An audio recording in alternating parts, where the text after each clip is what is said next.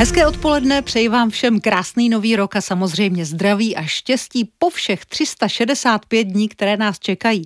Také k letopočtu 2024 bude patřit přibližně 365 dopoledních hostů radiožurnálu, mezi kterými určitě najdete známé osobnosti, pozoruhodné vědce, zajímavé literáty, umělce či muzikanty, ale taky docela obyčejné lidi, kteří prostě jen hoří pro svoji věc, pro svoje poslání, profesi nebo zálibu. S takovými mluvím na radiožurnálu nejraději, bez ohledu na to, jestli jsou slavní, anebo naopak schovaní někde v dílně, laboratoři a nebo ordinaci. V následující hodině vám z roku 2023 nabídneme ohlédnutí za čtyřmi z nich. Uslyšíte překladatele a anglistu Martina Hilského, herce Viktora Price, vědkyni a podnikatelku Barbaru Paldus a lékařku Kateřinu Rusinovou, se kterou jsem v rádiu zažila asi nejvíc ticha mezi větami, když jsme si na chvíli vyměnili role a ptala se ona, abychom přiblížili, jak vzniká takzvaná hodnotová anamnéza. Věřím, že vás uvedená jména a témata zaujmou i v našem novoročním sestřihu. Loni mu bylo 80 a dokončil kompletní překlad celého Shakespearea. Zatím poslední kniha profesora Martina Hilského nese název Shakespeareova Anglie portrét doby. Pracuje už ale na další, jak mi prozradil v našem dubnovém rozhovoru. A nejen to. Paříž může být elegantnější, je to město grandů, Londýn je prý, říká se město hokinářů, což je pravda jen částečně. Je to fantastické město plné energie a víte, co je na něm úžasné. Britové dělají skvělé výstavy výtvarného umění, tematicky zaostřené. Takže Tate třeba, Modern a ano, tak dále. Ano, Tate Modern a ta především, ale i ostatní galerie to dělají a zaměří se třeba na jeden obraz ale k tomu mají všechny ty kontexty.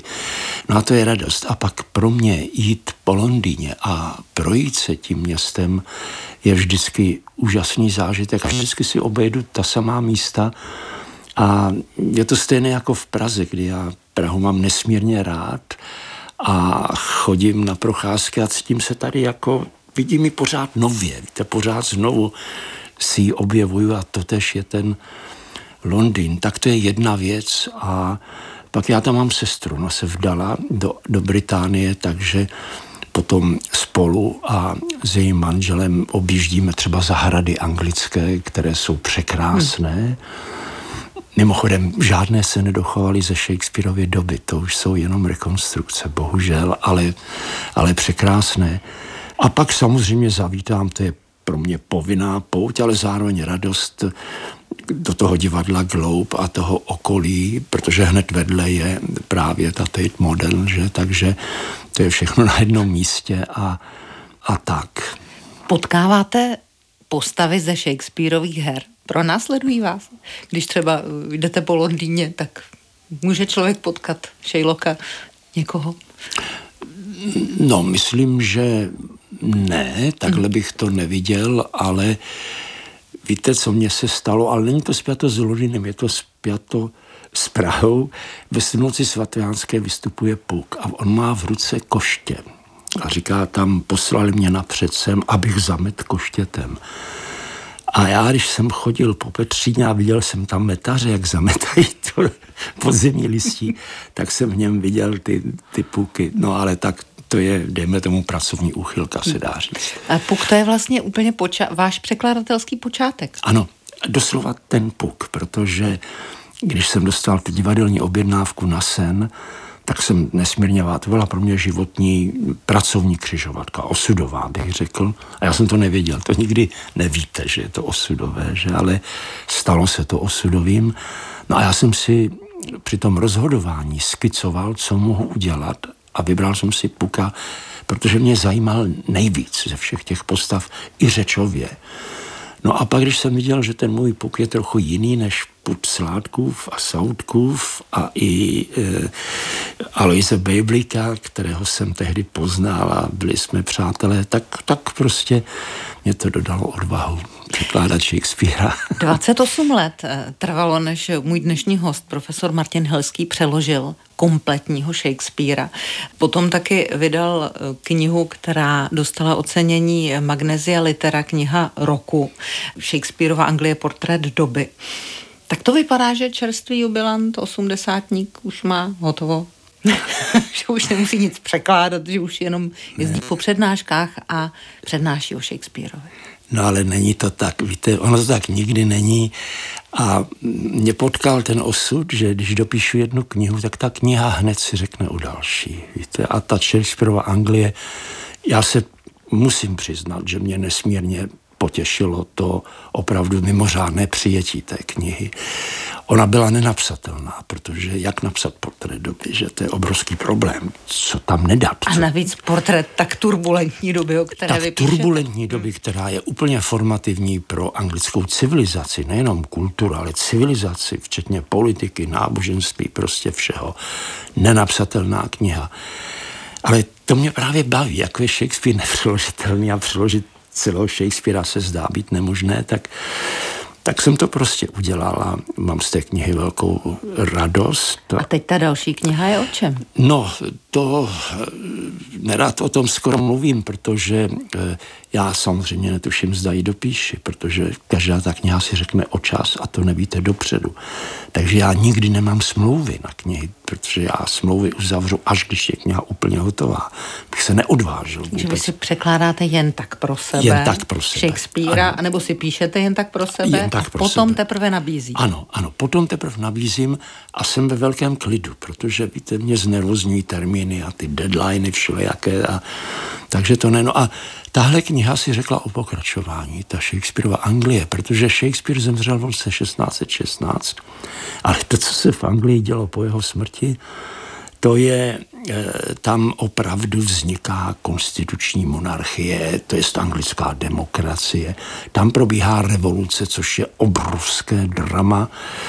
Cromwell, poprava anglického krále Karla I., potom restaurace, no a nakonec ten rok 1688, kde vlastně holanděné provedli úspěšnou invazi do Británie a tam začíná vlastně ty moderní dějiny, tam začíná konstituční monarchie, to je vlastně i ten současný král Karel III. už se přihlásil k té konstituční monarchii a víte, to je formativní pro anglické dějiny, pro anglickou kulturu ale je to nesmírně obtížné a nevím, zda mi bude přáno to, to dopsat. Ale já budu psát a až to nebude možné, tak to nebude možné. Radiožurnál. Každý den s vámi. I v novém roce. I v novém roce. Posloucháte radiožurnál a výběr toho nejlepšího z loňských hostů.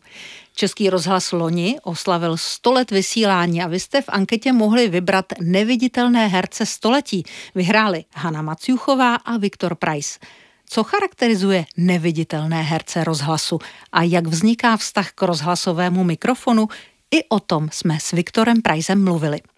U šestky v té historické budově, mm-hmm. tam byla kuřárna, byla tam káva a tak dále a byla tam i dáma, která eh, obsluhovala a tu kávu vařila a samozřejmě to, že tam byly takový ty sedací pohovky a úprava jistá, nebyl tam ten holej stůl dneska jenom s těma kovovými židlema, že tam ten herec přišel a takovou tu kritickou dobu mezi tím, kterou strávil eh, na jevišti třeba divadla a tím, že šel do toho rád rádia si chtěl udělat takovou hezkou chvilku a seděli tam osobnosti, které měli o čem a my jsme poslouchali.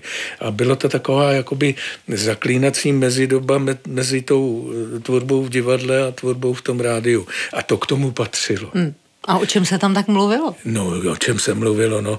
Starý bardi vyprávěli svoje historky a, a, a komentáře a úroveň teda těch jejich dialogů a těch, bych řekl, něžných ironií, to, to, to, to prostě bylo na vysoké úrovni. Hmm. Mám tady ukázku. Karel Čapek jako neuvěřitelný a brilantní pozorovatel toho, jak vzniká divadelní hra. Generální zkouška je zkrátka generální přehlídka všeho, co v poslední chvíli ještě chybí. Autor sedí v hledišti a čeká, co se bude dít. Nejdřív se dlouho neděje nic, jeviště je prázdné, herci se scházejí, zývají a mizejí v šatnách. Člověče, já jsem tu roli ještě neviděl. Pak přijedou dekorace a na jeviště se vyvalí technický personál. Autor má trhání, aby jim běžel pomoci. Tak už se těší, že uvidí hotovou scénu. Chlapici v modrých halenách táhnou stěnu pokoje výtečně. Nyní táhnou druhou stěnu sláva, teď už jen třetí stěnu. Ale třetí stěna je ještě v malírně. Tak tam zatím dejte nějaký hadr. Nakonec se místo třetí stěny dá malovaný les. Pak se všechno zatrhne u nějaké lati. Začne to tím, že dva muži v modrých halenách něco vrtají u jedné kulisy. Co to tam děláte? Ale musí se tam dát lajsná. Divadelní mistr běží zakročit, sedne na bobek a vrtá. Uplyne čtvrt hodina. Tak co to tam sakra děláte? Ale musí se sem dát lajsná. Režisér zakleje něco děsného a běží zakročit. To jest sedne na bobek a studuje řečenou kulisu. Pane režisére, proč nezačínáme? Ale musí se sem dát lajsna. Tak vide, záleží jim víc na nějaké lajsně, než na mém kuse. Viktor Price si zahrál nešťastného autora divadelní hry, tady v tomhle kusu v režii Jana Lormana. Kolik vlastně zabere času taková příprava na rozhlasovou hru? První je samozřejmě si to přečíst. Druhé je samozřejmě si to přečíst pozorně.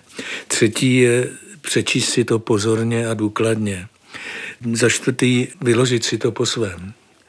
Nějaký pocit z toho, nějaký postoj, hmm. předběžný postoj. Můžu to přirovnat ke sportu. Já miluju, jak ty dálkaři si dlouho, dlouho, jak to mají vyšlapaný, tu stopu, ano, toho kroku než skočej, pak mají to usebrání, vlastně průhled tím skokem a tak dále. No a pak se ty věci jako snaží prolnout a propojit a však vy víte. Příprava je důležitá věc. Vy jste známí tím, jak se připravujete, ale co mám dělat, když jsem měla náročné představení, třeba večer předtím, mám dopolední frekvenci, nějak jsem to úplně nestihla. Existuje nějaký fígl, jak to udělat hlasem, aby to nikdo nepoznal?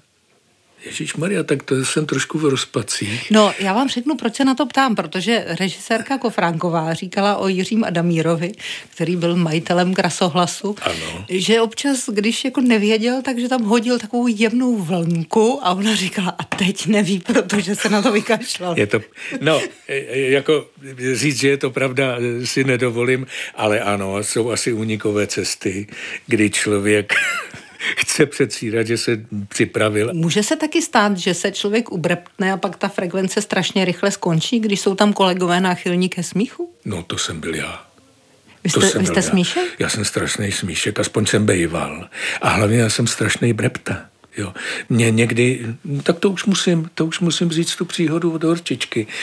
Byl to seriál rozhlasový o Bizetovi a jeho hudbě a já jsem tam dělal takový ten průvodní hlas a Jirka Horčička mě za tím režijním oknem eh, řekl, prosím tě, to, to musí to být, je to závěr toho pořadu a že jo, bude tam, bude tam kulminovat muzika Bizetová, takže udělej to velký, udělej ten a hezky to uzavři a celý ten pořad, aby to mělo opravdu ten oblouk a tak dále. A já jsem měl říct, milí posluchači, a to je konec dnešního vyprávění o panu Bizetovi.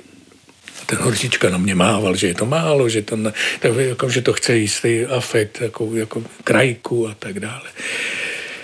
A já jsem už asi po pátý říkal to tež a pak ze mě vylezlo, vážení posluchači, a toto je konec dnešního vyprávění o panu Bidetovi.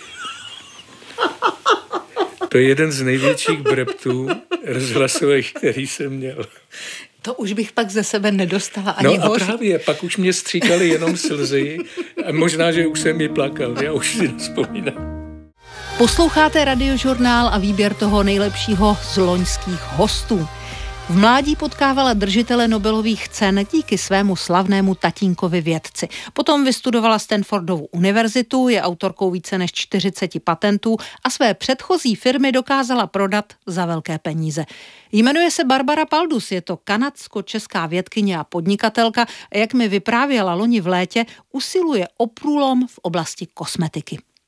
Já miluju můj kodex serum, to jsme právě vyvinuli s tím antukomplexem, to jsou tři rostliny od domorodců do Amapuče z Patagonie. To je krém proti smrti, jo? ne, ale je to prostě krém proti zánětu. Protože hodně stárnutí se stane, že člověk má zánět takový chronický a to je ze všeho. Z kouření, z alkoholu, ze sluníčka, když je eh, nečistý vzduch třeba v městě, že nemá dobrou dietu, vždycky nepije dostatečně vody, jako to je tisíc eh, důvodů, který prostě udělají takový ten chronický zánět a ten pak rozruší kolagen v kůži a rozruší ty elastiny a fibrogeny, které tu kůži podporují, aby byla taková elastická, no a tím prostě už se to rozpadává máme vrázky, takže my reversujeme de facto ten zánět. Mm-hmm. No, kolik jste se toho musela naučit?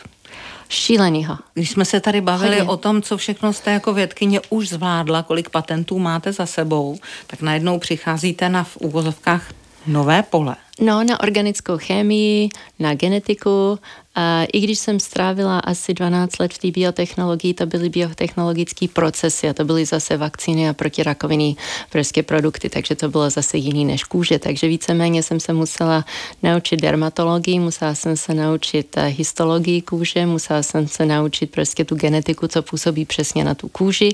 A teď studujeme mikrobiom a to je ještě otevřený pole, takže to ještě nevím, jako jestli to pole bude úplně stejný za pět let, a než je teď, protože třeba třeba tam metabolický větve prostě třeba ve střevách a jak ty bakterie prostě všechno trávějí pro nás. Toto vůbec tomu nerozumíme. Já Takže, jsem se vás právě no. chtěla zeptat, jestli když se namažu nějakou hrůzou, kterou někde prostě najdu nebo mi někdo dá a já se na tu krabičku ani nepodívám, protože něčím se namazat musím, tak jestli, se, jestli, jestli ten mikrobiom o tom ví nebo jestli ho tím e, nějakým způsobem zásadně ovlivní. Záleží, co to je. Třeba když to je velmi um, působný retinol nebo chemický peeling třeba, tak ano, a nejenom o tom bude vědět mikrobiom, ale taky ta kožní bariéra, protože víceméně si všechno strhnete. Um, takže většinou to jsou takový ty cleansery, který nemají uh, pH, uh, je moc alkalinní, tak je tak 9-10, a kůže je tak 4 až 5, tak 4,5 až 5,5 a ten mikrobiom to víceméně zabije. Mikrobiom je velmi flexibilní, takže eventuálně víceméně se z toho dostane zpátky, um, ale když to děláte každý den, někdy i třikrát denně, tak uh, chudý mikrobiom prostě ty bakterie bakterie už nemůžou. A pak, pak se dělají zase záněty, a pak člověk může mít akné z toho, takový, um, že, že ta kůže je vysušená a když se ta kožní bariéra poruší, tak pak jsou infekce. Hmm. Vy jste se do té kosmetiky pustila proto, nebo vlastně kvůli svému synovi jsem si, si přečetla, že měl těžkou alergii na kosmetiky, která obsahovala fenoxyetanol. Ano. Já ano. jsem se dívala na různé kosmetiky s obsahem fenoxyetanolu, což je skoro všechno. Je, je tam to, no, no právě. Protože je to laciný. To je velmi efektivní antibakteriál, který je velmi laciný. A tím pádem, když se člověk použije, tak to je, to je velmi zajímavá historie, tak když se třeba člověk podívá 20 let předtím, tak se používaly parabeny a třeba metylparabeny. Ano, teď se píše, že parabeny tento přípravek zásadně neobsahuje. Přesně tak, přesně tak. A tím pádem se rozrost fenoxietanol. A když člověk se kouká na třeba, um, kolik eh, vydělává industrie, která produkuje fenoxietanol, tak je to exponenciál za minulých 20 let, protože najednou každý vyměňoval parabény za fenoxietanol. A teď se snažíme víceméně zase, aby ta industrie si uvědomila, že nevědějí přesně stoprocentně tu bezpečnost fenoxietanolu. Teď samozřejmě se to hádá, říkají, ne, ne, ne, je to bezpečný a Evropská komise řekla, že je to bezpečný pod 1%. Takže kdyby to bylo víc než 1%, tak taky to záleží, kolik té kosmetiky člověk si dává na to tělo. Jo, protože to 1% to, to má, to si prostě to uvažuje, že prostě člověk používá jistou kvantitu denně té kosmetiky. Třeba jednou denně. Hm. Přesně tak. A to není pravda, protože hodně žen používají třeba uh, nejenom uh, kosmetiku jako skincare, ale taky prostě si dávají barevné věci, které taky mají fenoxietanol na kůži a tím pádem se to sčítá. Takže se můžu kvalitně otrávit. Jo? No, No, po, pomalu, to, pomalu, pomalu. to říkáte a s takovou taky... radostí, jo. Jakože dobře jim tak. No, no, toxikologie je doza. Jako jak bych to řekla, a i voda vás může zabít protože když vypijete dostatečně vody a uděláte si diluci prostě třeba sodíku nebo potasiu v těle, tak vaše buňky nemůžou fungovat. Takže de facto se můžete utopit tím, že pijete moc vody. To bohužel v Americe eh, byly takový případy, že rodiče prostě furt hydratovali, hydratovali děti až je zabíjeli. Takže toxická dóza záleží právě na té kvantitě.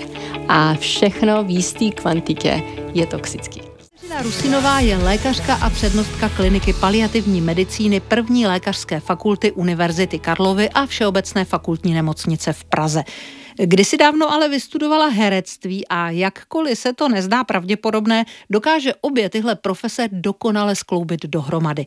Při našem rozhovoru loni po prázdninách to dokázala v situaci, kdy jsme chtěli představit způsob, jak se vytváří takzvaná hodnotová anamnéza. Já jsem si prohlédla dokument Jednotka intenzivního života, který natočila Adéla Komrzí. Konec konců bude teď v květnu, začátkem května k vidění v české televizi. A jediné, na co jsem intenzivně myslela, že se vás musím zeptat, zúčastnil se někdo z pacientů, které tam v tom dokumentu o paliativě vidíme premiéry? Několik. Fakt? E, několik pacientů a jejich blízkých přišlo na tu premiéru. Takže se přišli podívat sami na sebe. Na celé to dílo. Hmm, Co Přesně tak. Uh, jedna z těch reakcí byla, konečně se takovýhle dokument podařilo natočit. To je skvělý, že to, čím jsme prošli, může vidět někdo další a může mu to nějak pomoct. Jak se ve skutečnosti jmenuje to, co já vlastně celou tu dobu v tom dokumentu vnímám jako nějaké oddělení jednotky intenzivního života? Eh, jednotka intenzivního života je metafora, kterou eh, Adéla vymyslela pro to, co děláme a vzniklo to Hmm, tehdy, když jsme začínali točit ten dokument, to bylo v roce 2016, tak jsme naplno pracovali jako intenzivisti s Ondřejem Kopeckým a naše základna byla jednotka intenzivní péče a e, věnovali jsme se paliativní medicíně formou konzílí, chodili jsme po nemocnici tam, kde pacienti mm, se závažnou nemocí byli a kde nás bylo potřeba. A když jsme přemýšleli, e, co děláme, jaké části života se věnujeme, tak člověka jako na první dobrou napadne, to je to umírání, to je ta poslední fáze, tomu se nechceme věnovat a tak.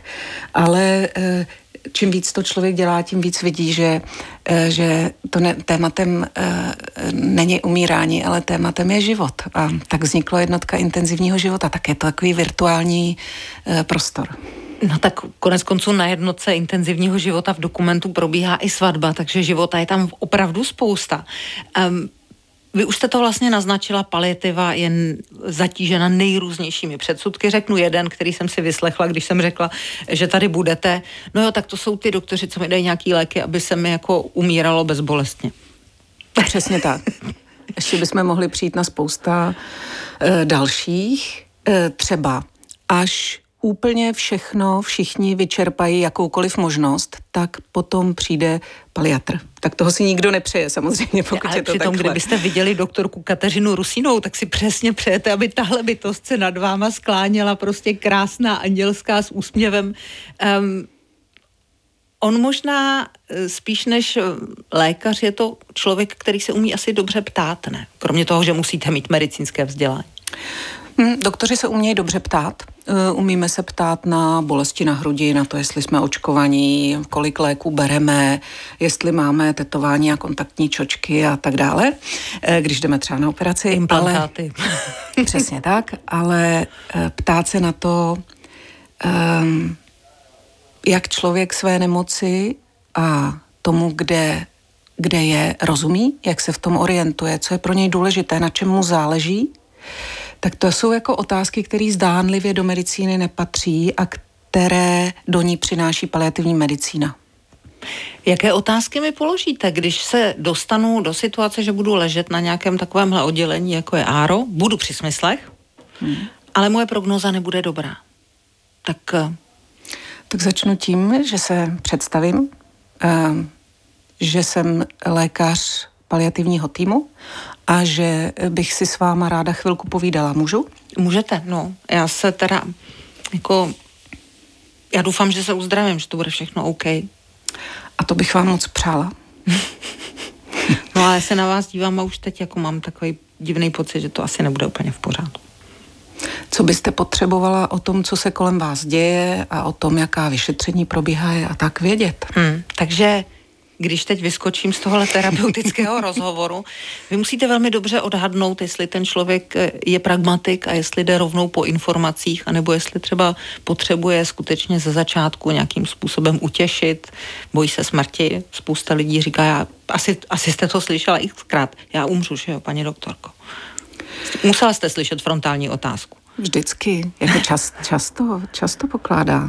A často je pokládána. A to, co, eh, to, co je eh, to, to, ta kvalita toho rozhovoru je, že vnímám, že se, že se ptáte na nějakou faktickou věc, jako kolik je hodin a část té odpovědi je faktická, je 9 hodin 11 minut a 13 vteřin, ale část té odpovědi je taky emoční. Kolik mám ještě času? V podstatě. Je to něco, je tahle otázka, kterou mi teď říkáte, něco, co vám leží v hlavě v noci, když hmm. se probudíte, nebo na co myslíte? Je to tak? Jo, že to, že že, že, že kalibruju tu faktickou část s tou emoční, protože uh, člověk ať už sebe víc je racionálně založený, tak když je konfrontován se svojí konečností, a to je v dříve nebo později v životě každý z nás, tak se to, tak to zasahuje do nějakého hodnotového um, hodnot, hodnotové struktury naší osobnosti. A tam je vždycky spousta emocí a to, co dělám já, že v tom rozhovoru dávám pozor na obě, protože kdybych se věnovala jenom racionálním faktům, tak bych odpověděla, no všichni umřem. A tím by rozhovor pěkně taky mohl skončit. A ono to tak není, protože eh, někdo, když řeknu, a to je ta otázka, která vám leží v hlavě, eh, tak většina lidí se pak může rozpovídat. Jo, jo, na to myslím, nebo ne, to mě napadlo jenom včera tak náhodou, já se vlastně chci bavit o něčem jiným, anebo jo, jo, tím se trápím a vlastně jsem neměl ještě nikoho, na koho bych se mohl na tohle zeptat. To znamená, že paliatr musí být skvělý psycholog. Potřebuju psychologické vzdělání. Kdo vás naučil klást tyhle otázky? Tyhle otázky nejsou psychologické. To je, to je další věc, která, se kterou se často setkávám. Jestli jsem psycholog, no nejsem, jsem doktor. A e, otázky e, tohohle typu jsem se naučila, e, protože mě v, po 20 letech medicíny přišlo důležité se vedle toho, že se zabývám nemocným orgánem nebo selhávajícím orgánem, protože jsem intenzivista, tak se musím zajímat o toho člověka, jež je jako majitelem toho orgánu nemocného zrovna v tu chvíli a jak to zvládá a co mu pomáhá vlastně s tím žít a co je pro něj dobrý život a co je pro něj dobrá zpráva a čeho se obává, v co doufá. To prostě k tomu přirozeně patří. Část rozhovoru s lékařkou Kateřinou Rusinovou, se kterou jsme mluvili o posledních věcech člověka, ale taky o naději, uzavírá novoroční sestřih vybraných hostů radiožurnálu za rok 2023. Ať vás naděje, láska a zdraví provázejí v novém roce na cestách obyčejných i expedičních, vám od mikrofonu a hlavně od srdce přeje Lucie Výborná. Když se volilo. Svobodně i nesvobodně. Když po naší zemi jezdili tanky. Nezvané i pozvané. Když se rozlily řeky, když řádilo tornádo. Všude tam, kde se něco dělo. Vždycky, když se psali dějiny. Byli jsme u toho. A budeme dál. Český rozhlas. Sto let je jen začátek.